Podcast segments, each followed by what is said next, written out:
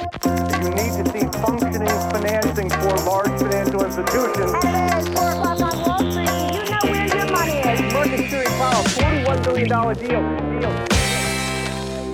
Dags för ett nytt avsnitt av investerarens podcast. Det är onsdag den 27 oktober när det här spelas in. Något sent beror på att jag tog mitt pick och pack och åkte ner till Malmö för privata affärers stora placeringskvällen som gick av stapeln igår kväll och nu kom jag hem och eh, spelar in det här då. Det händer väldigt mycket, det är mitt under rapportsäsongen etc. Men innan vi blickar framåt, vilket vi såklart ska göra, men låt oss bara sammanfatta förra börsveckan. Vi fick ånyo en positiv vecka med en uppgång på 1,46% för OMXS30 och 2,34% för OMXSGI. Som bekant så blev ju september en sur månad men börsen bottnade i oktober och sedan dess har vi fått ett rejält uppställ och det här brukar man ju kalla för skräcktober ibland. Många sättningar, korrektioner, björnmarknader brukar börja eller sluta under oktober månad och sen brukar börsvintern ta över och den brukar ju vara en mer solsäker period. Men det verkar ändå som att vi får ett rejält uppställ här i oktober. OMXS30 bottnade 6 oktober och sen dess är vi upp 5,6%. Breda Stockholmsbörsen, alltså OMXS-GI, utdelning bottnade 12 oktober, det vill säga sex dagar senare och uppgången sedan dess är över 8% så att det har ju varit ett rejält uppställd och jag tror någonstans också det visar på att vi kanske var lite för pessimistiska inför den rapportsäsongen som vi nu är inne i. I USA så rapporterar över 30% av bolagen inom S&P 500, däribland Apple, Amazon, Alphabet, Microsoft, de två senaste, har redan rapporterat när det här avsnittet spelas in och dessutom en tredjedel av Dow Jones också. Så här långt har 84% av bolagen slagit vinstestimaten. Jag tror att femårssnittet någonstans ligger på ungefär 76% så att det, det, det, är faktiskt bättre än det historiska snittet. Och jag har också förstått där att vinstmarginalen på förväntat 12,3% också är en väldigt stark siffra i en historisk kontext. Däremot så bolagen som missar straffas hårt. Vi såg Snap i fredags falla 26%, alltså en fjärdedel av börsvärdet utraderades efter att man sa det här. Annonsmarknaden, marknadsföringsklimatet har blivit tuffare, inte minst efter Apples förändrade integritetsvillkor där man inte kan följa användarna på samma sätt och eh, ha lika träffsäker, pricksäker reklam i, eh, i, på sin plattform då helt enkelt. Det här visar ju att eh, Apple är, är har varit en otroligt viktig spelare här. Snap är inte det enda bolaget som vi har sett fått det väldigt, väldigt tufft efter det här. Eh, sen vet inte jag om det enkom beror på det, men just här missar estimaten, man tror att det eh, förmodligen kan vara lite tuffare framåt.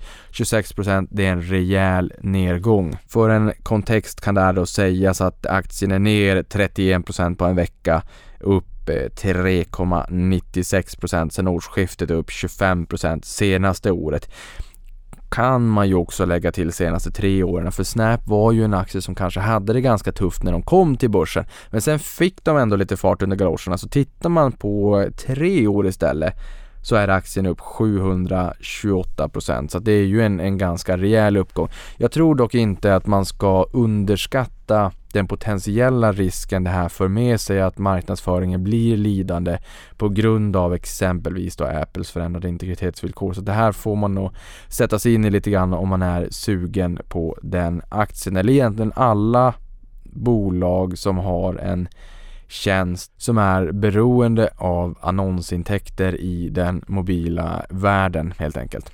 Intäktstillväxten under rapportsäsongen i USA förväntas landa på plus 14,5% och vinsttillväxten på 34,8%.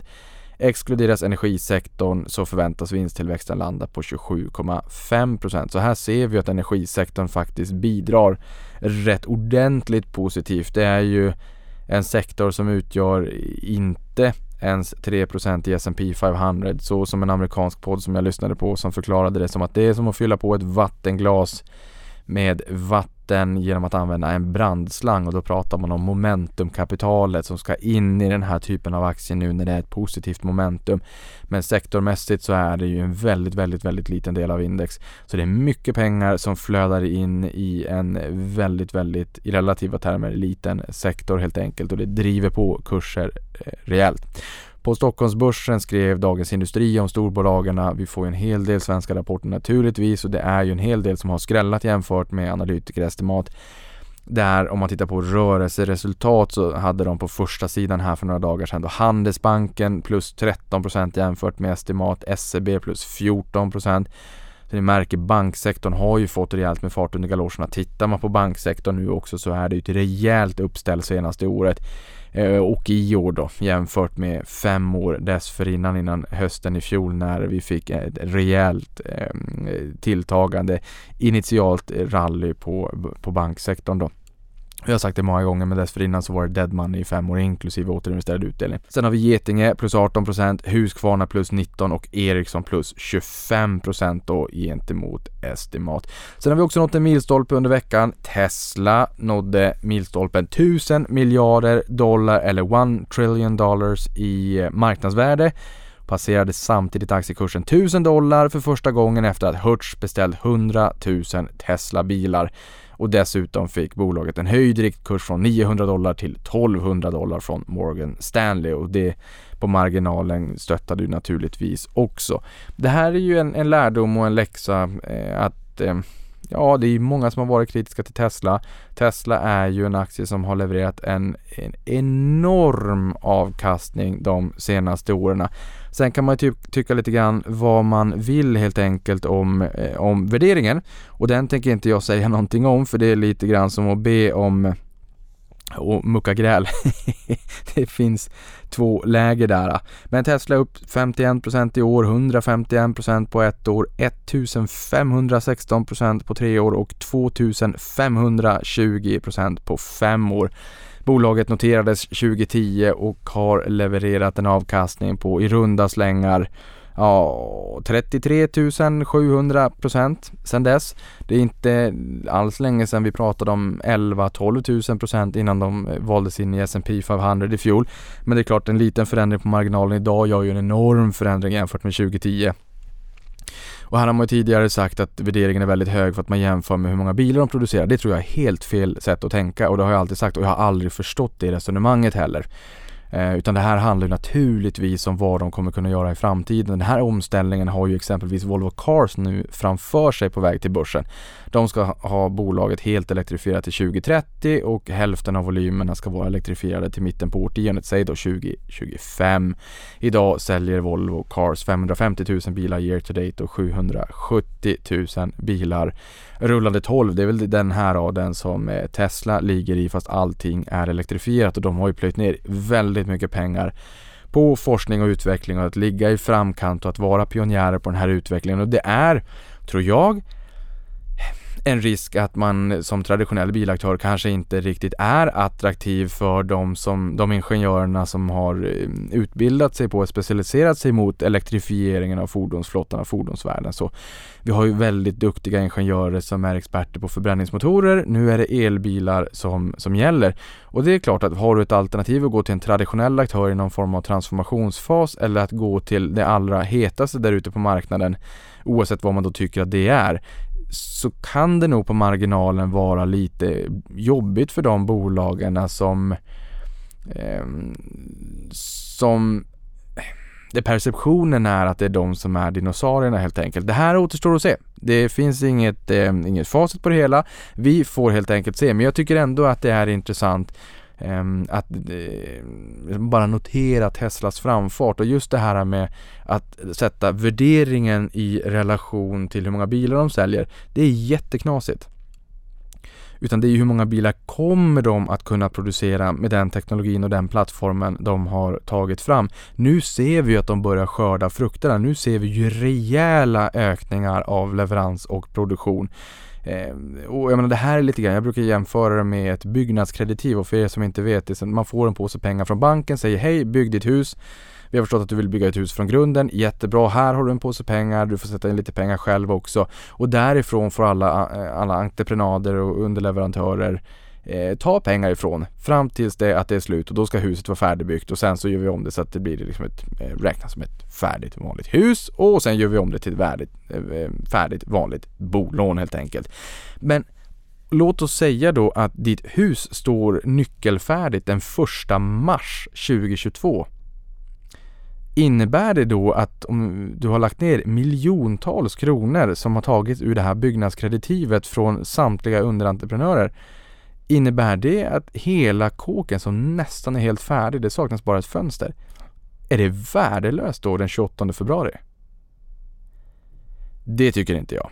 Och med det sagt så äger jag inga aktier i Tesla heller. Eh, och har inte gjort. Eh, det hade ju varit trevligt om man hade gjort det. Så att jag försöker inte säga och, och rättfärdiga värderingen på Tesla. Det är mera argumentationen om att jämföra värderingen i förhållande till antalet sålda bilar. Sen ser jag precis som alla andra att värderingen är skyhög på Tesla på alla möjliga sätt mätt. Men frågan är ju också om det är så att eh, fordonsindustrin går igenom någon form av transformation just nu mot någonting annat. Lite grann som dumbphone till smartphone, tjock-tv till platt-tv Eh, Eh, och det var väl därför jag också ställde lite frågor kring just konkurrenssituationen när jag intervjuade Volvo Cars strategichef här i podden för att få en känsla kring kan det vara så att de stora techgiganterna blir morgondagens konkurrenter? Ni vet, jag har sagt det förut när vi träffade Volvo Group i Silicon Valley så sa de att den största potentiella konkurrenten är Amazon som levererar miljarder åt miljarder paket varje år. Om de skulle vilja optimera sin logistikkedja, sina leveranser, kanske de skulle eh, helt enkelt starta upp någonting konkurrerande som är optimerat för deras affär i och med att den är så pass stor. Vem vet? Vi har redan sett techleverantörerna gå in mer och mer inom fordonsindustrin. Eh, nu, så att menar, de kommer ju från mjukvaruhållet. De kanske skulle kunna ta hårdvarubiten också. Apple ryktas det ju ofta om att de ska gå in och tillverka en, en elbil. Och här behöver man någonstans mycket know-how, mycket eh, kapital eh, och även en oerhört stark innovationskraft. Jag vet inte vad det kommer leda oss till. Jag tycker bara att det är väldigt spännande att följa den här eh, utvecklingen helt enkelt. Men från det ena till det andra. Det var ett solskensexempel. Tesla har gått jättebra. Och det är förmodligen också mer än bara bilar tror jag att många Tesla-ägare skulle hävda. Vi får se vart det tar dem. Men riskspridning är av godo och det är något som kraschen i Oncopeptides eh, den senaste veckan visar. Det här cancerläkemedelsbolaget fick ju villkorat godkännande av amerikanska FDA, Foods and Drugs Administration, i februari för sitt läkemedel Pepaxto och eh, förra veckan drog bolaget helt sonika tillbaka det här läkemedlet från den amerikanska marknaden då det citat “det blivit uppenbart att FDA inte anser att Ocean uppfyller villkoren för en bekräftad studie”. Slutcitat. Aktien har sjunkit 86% på en vecka vilket vittnar om att det är svårt att investera inom biotech. Det är många tunga namn som är väldigt duktiga i branschen som har åkt på rejält med stryk. Och enligt SEB är hela Oncopeptides nu värt 26 miljoner kronor motsvarande 0,35 kronor per aktie jämfört med toppnoteringen på 215 kronor per aktie i februari. Och det här någonstans påminner mig väl kanske om Diamyd tillbaka till 2011 som i en klinisk fas 3-studie inte kunde utesluta ehm, placebo, vilket innebar att aktien öppnade upp 85% lägre dagen efter det beskedet. Och vissa kan tycka att nej, riskspridning är av ondo och man diversifierar bort potentiell avkastning och så. Eh, och, och, det är väl bättre att förstå det man investerar i, förstå vad man köper. Och jag tycker också att det är bra att förstå vad man köper. Men jag tror inte till 100% att du kan förstå eh, alla riskmoment och alla faktorer som påverkar utkomsten. Jag menar, jag förstår inte 100% av Avanza och ändå så tycker jag att jag har hyggligt bra koll. Så det går ju aldrig att ha stenkoll um, och sen så kanske man är lite aktieberoende också vilket gör att det är kul att äga flera aktier i portföljen. Men just det här vad som är en, en ett rimligt antal aktier för att vara eh, ha en god diversifiering. Det är väl lite grann individuellt tänker jag mig. Det viktiga kanske också är att inte bara fokusera på hur många olika aktier du har och lite olika branscher utan även eh, faktiskt tänka på viktningen också så att inte ett innehav blir eh, väldigt, väldigt stort i portföljen. Förra veckan lyssnade jag på Amazon Web Services VD som sa att McKinsey hade tagit fram en studie som visar att världen tog fem års digital transformation på åtta veckor i fjol. Vi hade Satya Nadella, VD på Microsoft, som var ute väldigt tidigt, redan 26 april och sa att de hade tagit, jag tror att det var två år av digital adaption. Nu pratar man här om fem år då alltså. Och jag tror ju att, ja, det är väl i och för sig en ganska lågoddsare, men att det här kommer vara ett investeringstema under lång tid framöver. Från Tesla till Oncopeptides tillbaka till, till ett solskensexempel så skrev Dagens Industri om Nibe också här under veckan. VD Gert-Erik Lindqvist som snart fyller 70 år har efter 33 år som VD på bolaget fortfarande inga planer på att pensionera sig. Kul tycker vi. Kul tycker vi som gillar att rygga och följa duktiga ledare, duktiga bolag. Det är ju inte bara ledaren såklart som, som gör jobbet.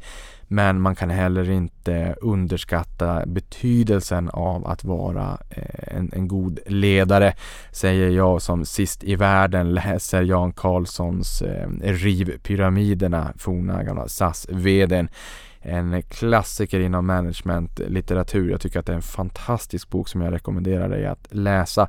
1989 ville ägarfamiljen kliva av Nibe varpå 18 medarbetare fick möjligheten att köpa in sig i bolaget Nibe här då. Posterna var 100, 200 eller 400 000 kronor och en relativt nyanställd VD, det säger Erik Lindqvist, tog det djärva bettet skrev DI då om 400 000 kronor motsvarar 735 000 kronor i dagens penningvärde värde. Det innehavet idag är värt 11,5 miljarder kronor. Vilket är helt fantastiskt. Det, det är verkligen ett enormt härligt exempel på, eh, på både ränta på ränta-effekten men även vad långsiktighet faktiskt kan ge. Det, det, det, går ju hand i hand med ränta på ränta-effekten såklart. Och VD sa då, jag vill inte skicka någon signal att jag inte tror på Nibe. Jag tror oavkortat på Nibe. Även om kursen skulle gå ner, vilket den har gjort ibland, har jag aldrig övervägt att sälja. Trevligt. Sen har vi noteringar också, det händer lite grann i veckan. Synsam kommer in på fredag, eh, 46 till 56 kronor per aktie. Spann vilket gör att marknadsvärdet blir 6,9 till 8,4 miljarder kronor. Börjar handlas alltså den 29, det är Nordens största optikerkedja och samma dag kommer också Volvo Cars att noteras. De sköt ju upp det här en dag och sist sen vi hördes vid så har Geely också stämplat om sina röststarka A-aktier mot röstsvaga B-aktier som ett led i att gå kritikerna till mötes och blidka marknaden, sockra erbjudandet eller hur man nu vill uttrycka sig. Dessutom spikades noteringskursen till 53 kronor istället för det tidigare spannet på 53 kronor till 68 kronor, vilket innebär att högsta pris kunde bli 28% högre. Det här på marginalen är ju såklart trevligt. Någonting annat WeWork som skulle börsnoteras här för några år sedan till värderingen 47 miljarder kronor tillbaka till 2019 floppade ju på grund av ägarstyrnings och värderingsfrågor varpå värderingen sen kapades till 10 miljarder dollar och VD Adam Neumann lämnade och eh, noteringen sköts upp på obestämd tid. Sen togs bolaget över av japanska Softbank och satte värderingen då till 5 miljarder dollar. De har ju plöjt in en herrans massa pengar i det här. Eh, och nu har faktiskt bolaget kommit till börsen andra gången gilt via spacken Bauex Acquisition två år efter den uppmärksammade floppen. Bolaget har 25 ägare hos Avanza. Eh, är man nyfiken här också så finns det en dokumentär om WeWork på SVT och den sektkulturen som man pratade om att bolaget hade. Så för alla er aktienördar där ute så är det väl kanske på sin plats att se den här dokumentären om WeWork på SVT för att ehm, eh, förvärva eh, lite finansiell allmänbildning till balansräkningen. Jag såg att den var en och en halv timme så att man får väl ta det i etapper om man tycker att tiden är en bristvara. Sen har vi Autostore, det EQT-delägda lagerautomationsbolaget som kom med sin värdering på över 100 miljarder nog att bli den största noteringen på över 20 år på Oslo Börs efter Statoil, alltså nuvarande Equinor 2001. Priset blev 31 NOK per aktie, vilket var det högsta priset i spannet om 27 till 31 NOK Eh, och här kommer Softbank in igen. Aktien har Softbank som stor ägare och aktien började handlas den 22 oktober där den steg, steg då 13,4% i premiärhandeln. Sist men inte minst ett nyhetssvep och då börjar vi med investmentbolaget Flat Capital som har Klarnas VD och medgrundare Sebastian Siemiatkowski samt hans fru då Nina Siemiatkowski som grundare vilket gjorde succé i debuten på First North.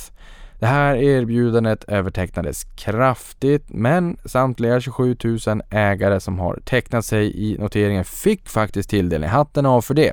Man fick inte mycket men man fick tilldelning i alla fall. Väldigt trevligt. Eh, som mest steg aktien 356% från introduktionskursen vilket är lite väl tilltaget. Aktien var väl ner någonstans 20% nästan 20% i fredags vilket är ganska rimligt för tittar man på vart den kommer ifrån där under veckan Ehm, så var det ju en rejäl uppgång. Så att jag menar, det är ju som att man kastar upp en tennisboll i luften. Till slut så når den en steady state och sen börjar den ju naturligtvis falla tillbaka i och med att vi har gravitation. Vi har gravitation även på börsen och det som eh, driver aktier långsiktigt är ju faktiskt stigande vinst. Sen har vi nyheten om Paypal där marknaden under veckan nåddes av nyheten att Paypal skulle vara i långt framskridna samtal med Pinterest om ett förvärv.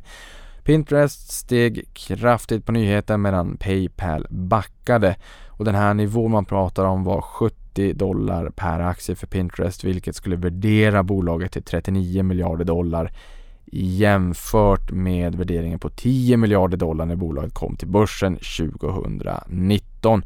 Det här har dock bolaget, alltså Paypal, nyligen dementerat att det här inte skulle vara aktuellt i nutid. Den ordalydelsen gör ju att man förstår att det absolut kan vara aktuellt, men då inte i nutid. Skulle det här ha blivit av så skulle det ha varit Paypals största förvärv någonsin och ungefär tio gånger större än förvärvet av Honey som man gjorde här för omkring 4 miljarder dollar för en tid sedan och det är idag det största förvärvet som, eh, som Paypal har gjort då. Sen har vi Trump, det är väl ingen som har glömt bort Donald Trump. Han är ju lite gubben i lådan. Den sårade gubben i lådan som har blivit bannad från de flesta sociala medier. Nu vill han starta ett eget socialt nätverk med namnet Truth Social och gör det här via spacken Digital World Acquisition.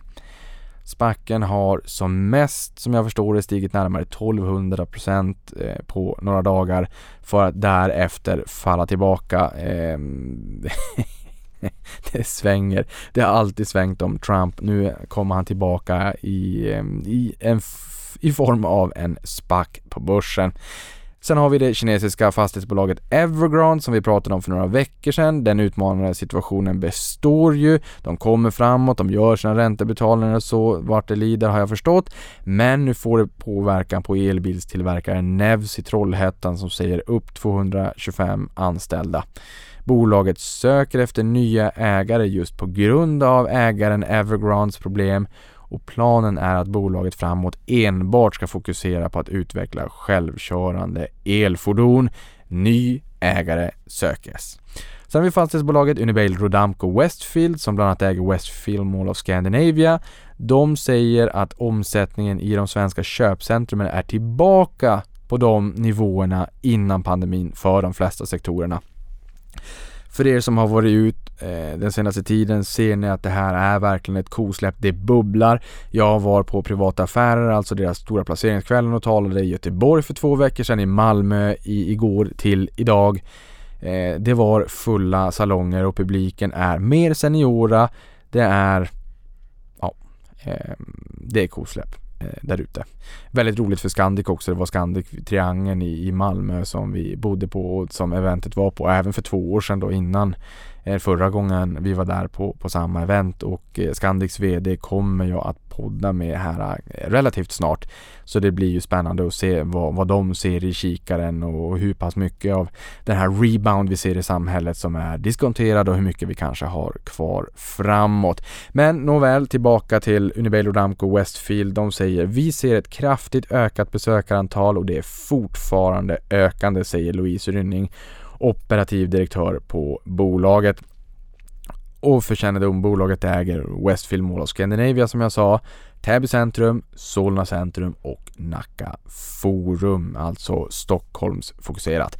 Handelsbanken meddelade eller aviserade nyligen att de eh, avser lämna Danmark och Finland. I fjol stod verksamheterna i de här länderna för omkring 10% av eh, bankens totala intäkter medan de utgjorde omkring 8% av rörelseresultatet under perioden, det vill säga tärande lönsamhet helt enkelt.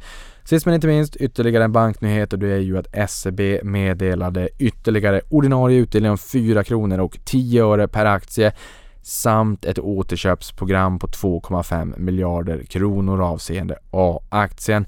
En intressant detalj här är att SEB aldrig tidigare återköpt egna aktier. Det återstår att se om man kommer använda mandatet men eh, man har i alla fall sjösatt lanserat det här återköpsprogrammet. Spännande tider. Med de orden, ha en fortsatt trevlig vecka. Vi är ner i negativt territorium den här veckan. Vi får helt enkelt se om vi hinner återhämta det innan det är dags att stänga böckerna och ta helg. Men tills vi hörs nästa gång, trevlig avkastning på dig.